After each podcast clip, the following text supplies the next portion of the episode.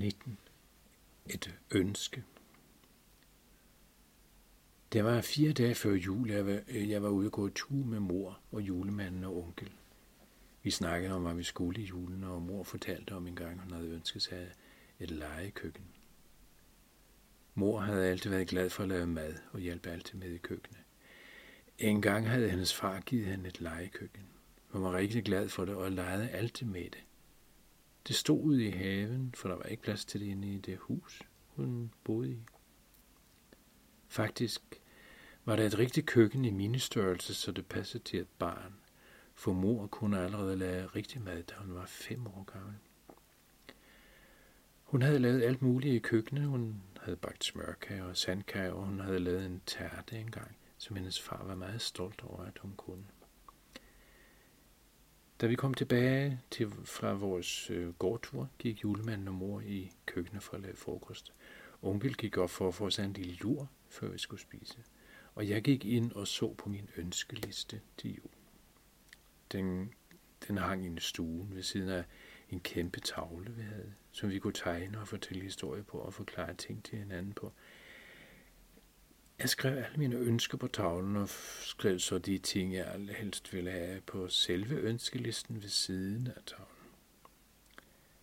Der var en lang liste på tavlen, hvor jeg havde skrevet alt muligt, såsom ønskeliste.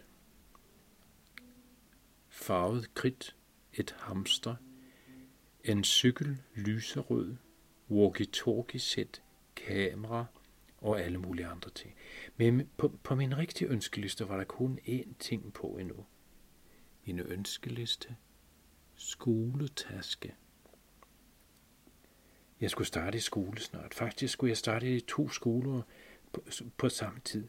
For jeg skulle jo lære alle de ting, man skal lære i skolen, for at kunne skrive og læse og forstå hele verden og snakke forskellige sprog og lære at regne meget bedre, end jeg kunne allerede.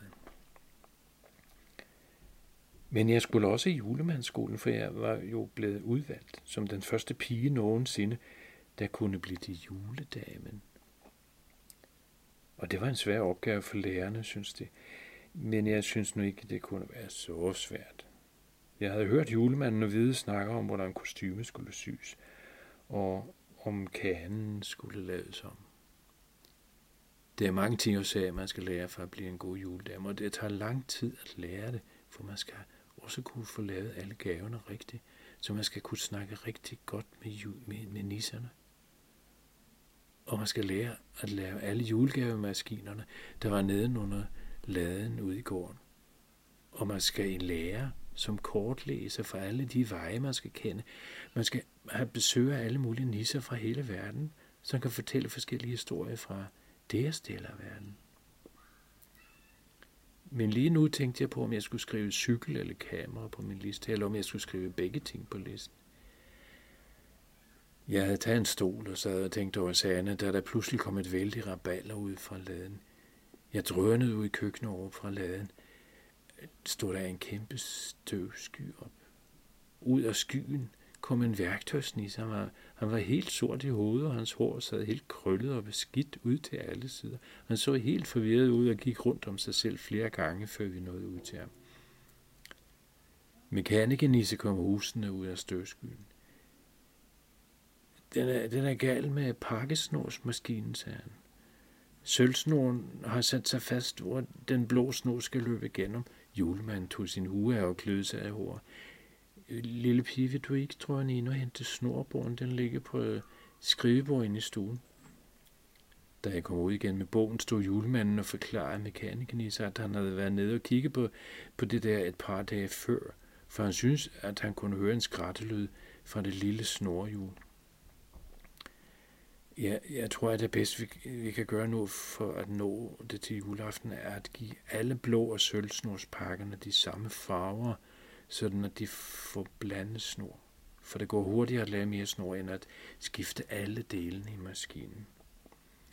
Og lyn hurtigt havde de fået ordnet det sådan, at alle pakker med blå snor og alle dem med sølvsnor, både fik blå og sølvsnor på.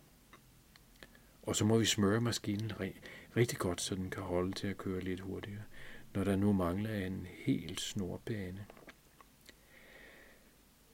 Mor havde snakket med damerne, så de var lidt gamle, altså så synes kun, at der var nogle bestemte ting, de skulle lave, og om at de skulle gøre parat til, at det kunne laves mere blå og sølvsnor.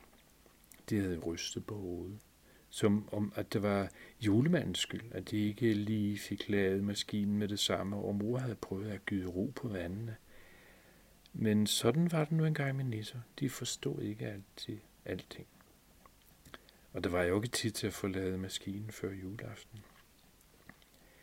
Da jeg kom ind i stuen igen og stod og kiggede på min ønskeliste, besluttede jeg mig for at skrive både cykel og kamera på listen.